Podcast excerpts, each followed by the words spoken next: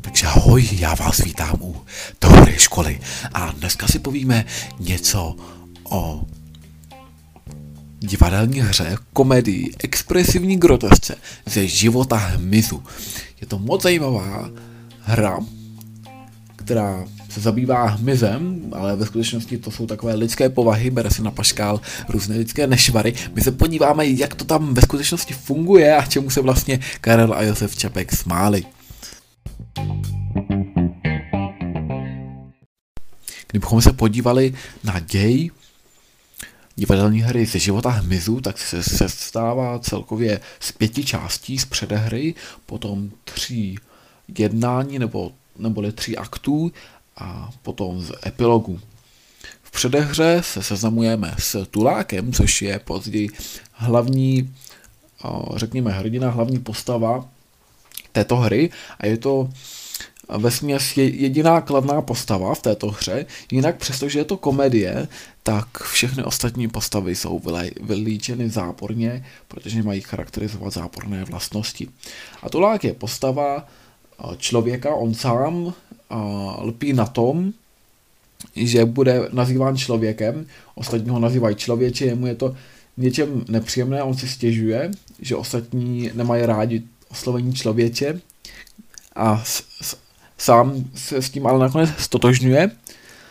A v ostatních vidí ten hmyz a dostává se do hmyzí hříše. A první tedy tam vidí motýly, vidí tam jakéhosi pedanta, který loví motýly a on i ten tulák vidí motýly a říká, jaká je to krásná hra, jak ty motýly spolu živě létají.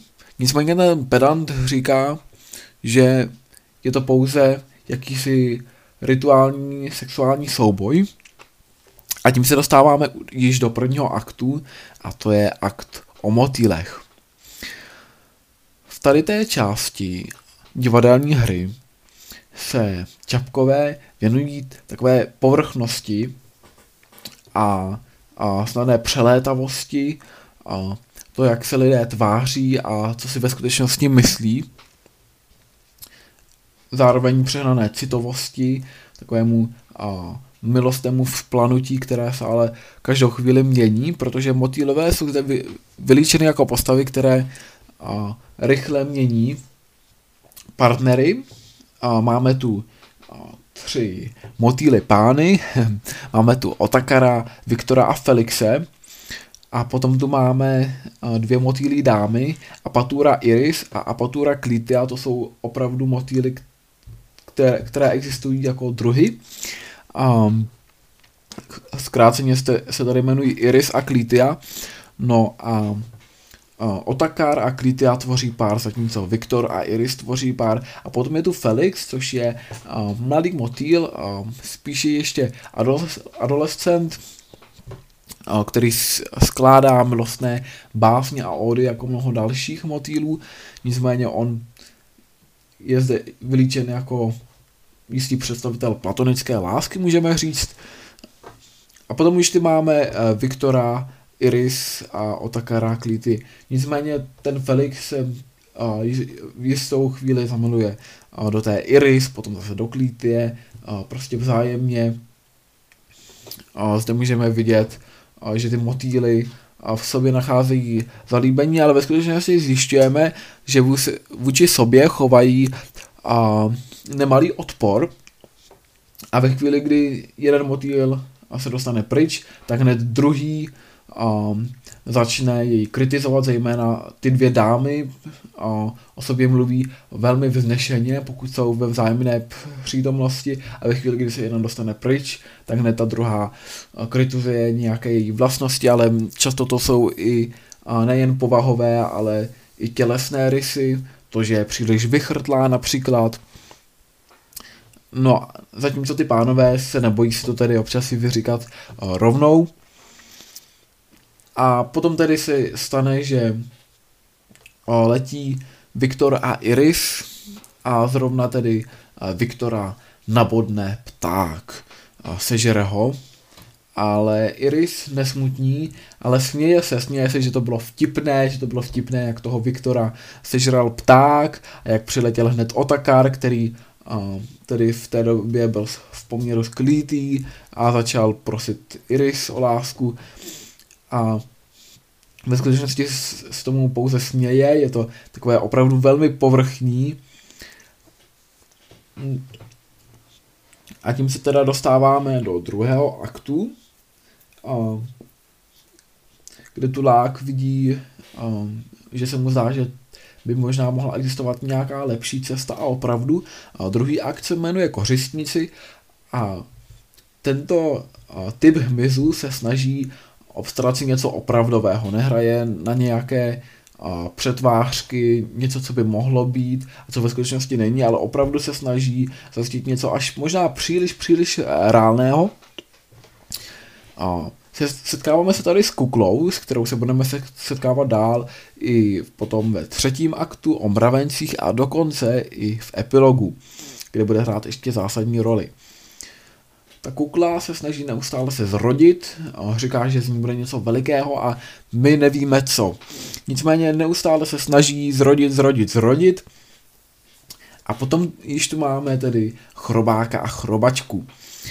Chrobák a chrobačka válí kouličku, ta koulička je z trusu. Někdy také tady ti brouci jsou známí jako hovniválové a cílem toho chrobáka je nabalit kuličku a potom ji ochránit a získat další. Kořistníci neberou tedy jako hlavní cíl nějaké city nebo emoce, jako byly motýlové, ale i hlavním cílem je zajistit, zajistit mění, potažmo potomstvo, takže buď sebe, anebo potomstvo. Nicméně u toho chrobáka to potomstvo vypadá spíše jako majetek. On sám mluví o té kuličce jako o svém kapitálu a vnímá tedy i jako nějakou, řekněme, movitost, nemovitost, nějaké jmění.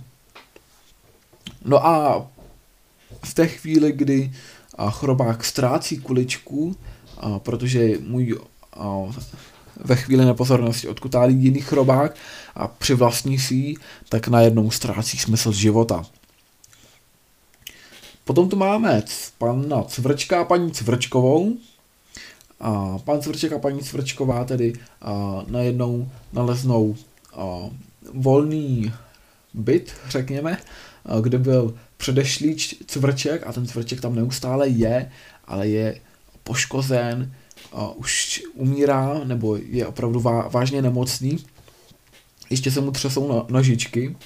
Nicméně ani panu Cvrčkové, ani paní Cvrčkové to za stolik nevadí, oni se tam přesto nastěhují a ještě se smějí, jak to hezky vymysleli a tomu Cvrčkovi vůbec nepomohou, jsou vlastně rádi, rádi, že se mu tak nedaří a že už mohou počítat s tím, že se tam můžou nastěhovat, i když to byl původně jeho byt. No takže tak, tak to zřídí e, živnost.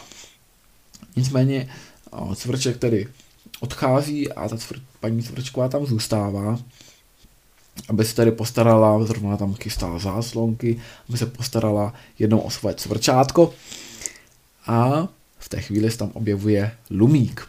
A Lumík paní Cvrčkovou zabije a otáhne si ji do své skrýše protože Lumík neustále potřebuje schromažďovat různé, řekněme, potraviny pro svoji larvičku. Larvička je cílem Lumíka a jak už tady z nás vyplývá, je to zase nějaké potomstvo Lumíka, on se jí snaží zaopatřit a taky přináší takto různé brouky, a potom se tu setkáváme ještě s parazitem. Parazit toto všechno odpu- jako odsuzuje, říká, jak je hrozné, jak se vzájemně vraždí a tak, sám opravdu nevraždí a ve chvíli, kdy Lumík odchází, aby zase zaopatřil něco pro svou larvičku, tak se vplíží dovnitř a všechno tam sežere, včetně té larvičky. No a potom se tedy dostáváme již eh, ke třetímu aktu, k třetímu dějství, k třetímu jednání. A ve třetím aktu tu máme mravence. Tulák na těch mravencích velmi kladně hodnotí to, že se nesnaží pouze zaopatřit sebe, nebo tedy svůj majetek, svo, svoje potomstvo, jako, to bylo, jako tomu bylo u kořistníků, čím se mu ze začátku velmi zamlouvají, že jednají pro nějaké vyšší ideály, což mi přijde mnohem více lidské. A pro ní se setkává se slepým mravencem, který tedy počítá další mravence. A potom dochází ale ke zvratu, protože a, máme zde různé mravence a takový dva šéfové jsou a inženýr 1 a inženýr 2, nebo první inženýr, druhý inženýr. No a, a mravenci se rozhodnou vyhlásit válku, a snaží se jí různými prostředky posvětit, a ospravedlňují si ji jako, že je to vlastně válka z nutnosti a je to spravedlivá válka pouze pro udržení a zachránění toho mraveniště. Válka se vede o dvě stébla trávy proti sousednímu mraveništi. Tady to jsou černí mravenci, sousední jsou žlutí mravenci.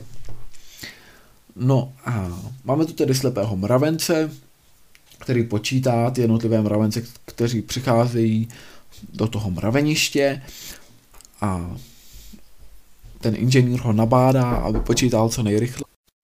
Kdybychom se podívali na děj divadelní hry ze života hmyzu, tak se, se stává celkově z pěti částí z předehry, potom tří jednání nebo, neboli tří aktů a potom z epilogu.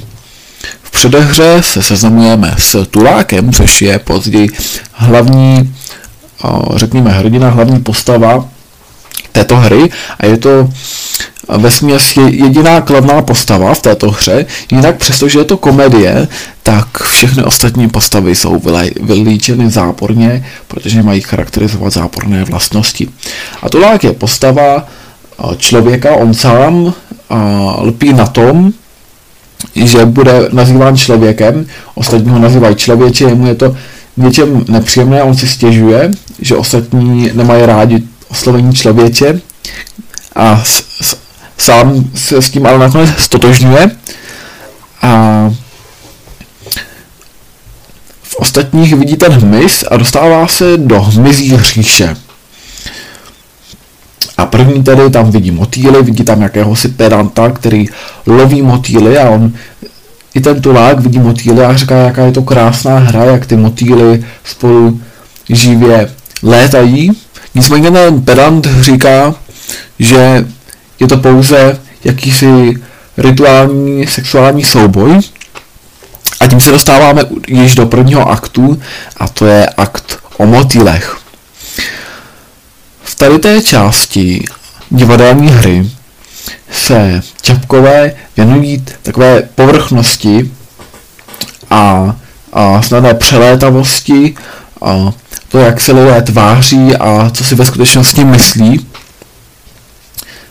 zároveň přehnané citovosti, takovému a, milostému vzplanutí, které se ale každou chvíli mění, protože motýlové jsou zde vy, vylíčeny jako postavy, které a, rychle mění partnery. A máme tu a, tři motýly pány, máme tu Otakara, Viktora a Felixe, a potom tu máme dvě motýly dámy, Apatura Iris a Apatura Klitia, to jsou opravdu motýly, které, které existují jako druhy. A zkráceně se, tady jmenují Iris a Klitia. No a Otakar a Klitia tvoří pár, zatímco Viktor a Iris tvoří pár. A potom je tu Felix, což je uh, malý motýl, uh, spíše ještě adolescent, uh, který skládá milostné básně a ódy jako mnoho dalších motýlů. Nicméně on je zde vylíčen jako jistý představitel platonické lásky, můžeme říct. A potom už ty máme uh, Viktora, Iris a Otakara Klity. Nicméně ten Felix se uh, v jistou chvíli zamiluje uh, do té Iris, potom zase do Klitie, uh, prostě vzájemně. Zde můžeme vidět, že ty motýly v sobě nacházejí zalíbení, ale ve skutečnosti zjišťujeme, že vůči sobě chovají nemalý odpor. A ve chvíli, kdy jeden motýl se dostane pryč, tak hned druhý um, začne jej kritizovat, zejména ty dvě dámy uh, o sobě mluví velmi vznešeně, pokud jsou ve vzájemné přítomnosti a ve chvíli, kdy se jeden dostane pryč, tak hned ta druhá uh, kritizuje nějaké její vlastnosti, ale často to jsou i uh, nejen povahové, ale i tělesné rysy, to, že je příliš vychrtlá například, No, zatímco ty pánové se nebojí si to tady občas si vyříkat rovnou. A potom tady se stane, že uh, letí Viktor a Iris a zrovna tedy uh, Viktora nabodne pták, uh, sežere ho, ale Iris nesmutní, ale směje se, směje se, že to bylo vtipné, že to bylo vtipné, jak toho Viktora sežral pták a jak přiletěl hned Otakar, který tedy v té době byl v poměru sklítý a začal prosit Iris o lásku a ve skutečnosti s tomu pouze směje, je to takové opravdu velmi povrchní. A tím se teda dostáváme do druhého aktu, kde Tulák vidí, že se mu zdá, že by možná mohla existovat nějaká lepší cesta a opravdu. A druhý akt se jmenuje Kořistníci a tento typ hmyzu se snaží obstarat si něco opravdového, nehraje na nějaké a, přetvářky, něco, co by mohlo být a co ve skutečnosti není, ale opravdu se snaží zjistit něco až možná příliš, příliš eh, reálného. A, setkáváme se tady s kuklou, s kterou se budeme setkávat dál i potom ve třetím aktu o mravencích a dokonce i v epilogu, kde bude hrát ještě zásadní roli. Ta kukla se snaží neustále se zrodit, říká, že z ní bude něco velikého a my nevíme co. Nicméně neustále se snaží zrodit, zrodit, zrodit. A potom již tu máme tedy chrobáka a chrobačku. Chrobák a chrobačka válí kouličku, ta koulička je z trusu. Někdy také tady ti brouci jsou známí jako hovniválové a cílem toho chrobáka je nabalit kuličku a potom ji ochránit a získat další. Kořistníci neberou tedy jako i hlavní cíl nějaké city nebo emoce, jako byly motýlové, ale i hlavním cílem je zajistit, zajistit jmění, potažmo potomstvo, takže buď sebe, anebo potomstvo. Nicméně u toho chrobáka to potomstvo vypadá spíše jako majetek. On sám mluví o té kuličce jako o svém kapitálu a vnímá tedy i jako uh, nějakou, řekněme, movitost, nemovitost, nějaké jmění. No a v té chvíli, kdy uh, chrobák ztrácí kuličku, uh, protože můj uh, ve chvíli nepozornosti odkutálí jiný chrobák a přivlastní si ji, tak najednou ztrácí smysl života. Potom tu máme pana Cvrčka a paní Cvrčkovou, a pan Cvrček a paní Cvrčková tedy a, najednou naleznou a, volný byt, řekněme, a, kde byl předešlý cvrček a ten cvrček tam neustále je, ale je poškozen, a už umírá nebo je opravdu vážně nemocný. Ještě se mu třesou no, nožičky. Nicméně ani panu Cvrčkové, ani paní Cvrčkové to a, za stolik nevadí, oni se tam přesto nastěhují a ještě se smějí, jak to hezky vymysleli a tomu Svrčkovi vůbec nepomohou, jsou vlastně rádi, rádi, že se mu tak nedaří a že už mohou počítat s tím, že se tam můžou nastěhovat, i když to byl původně jeho byt. No takže tak, tak to zřídí e, živnost.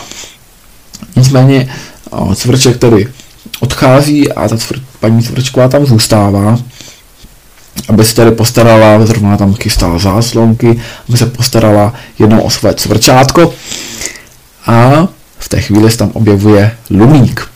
A Lumík paní Cvrčkovou zabije a otáhne si ji do své skrýše, protože Lumík neustále potřebuje schromažďovat různé, řekněme, potraviny pro svoji larvičku.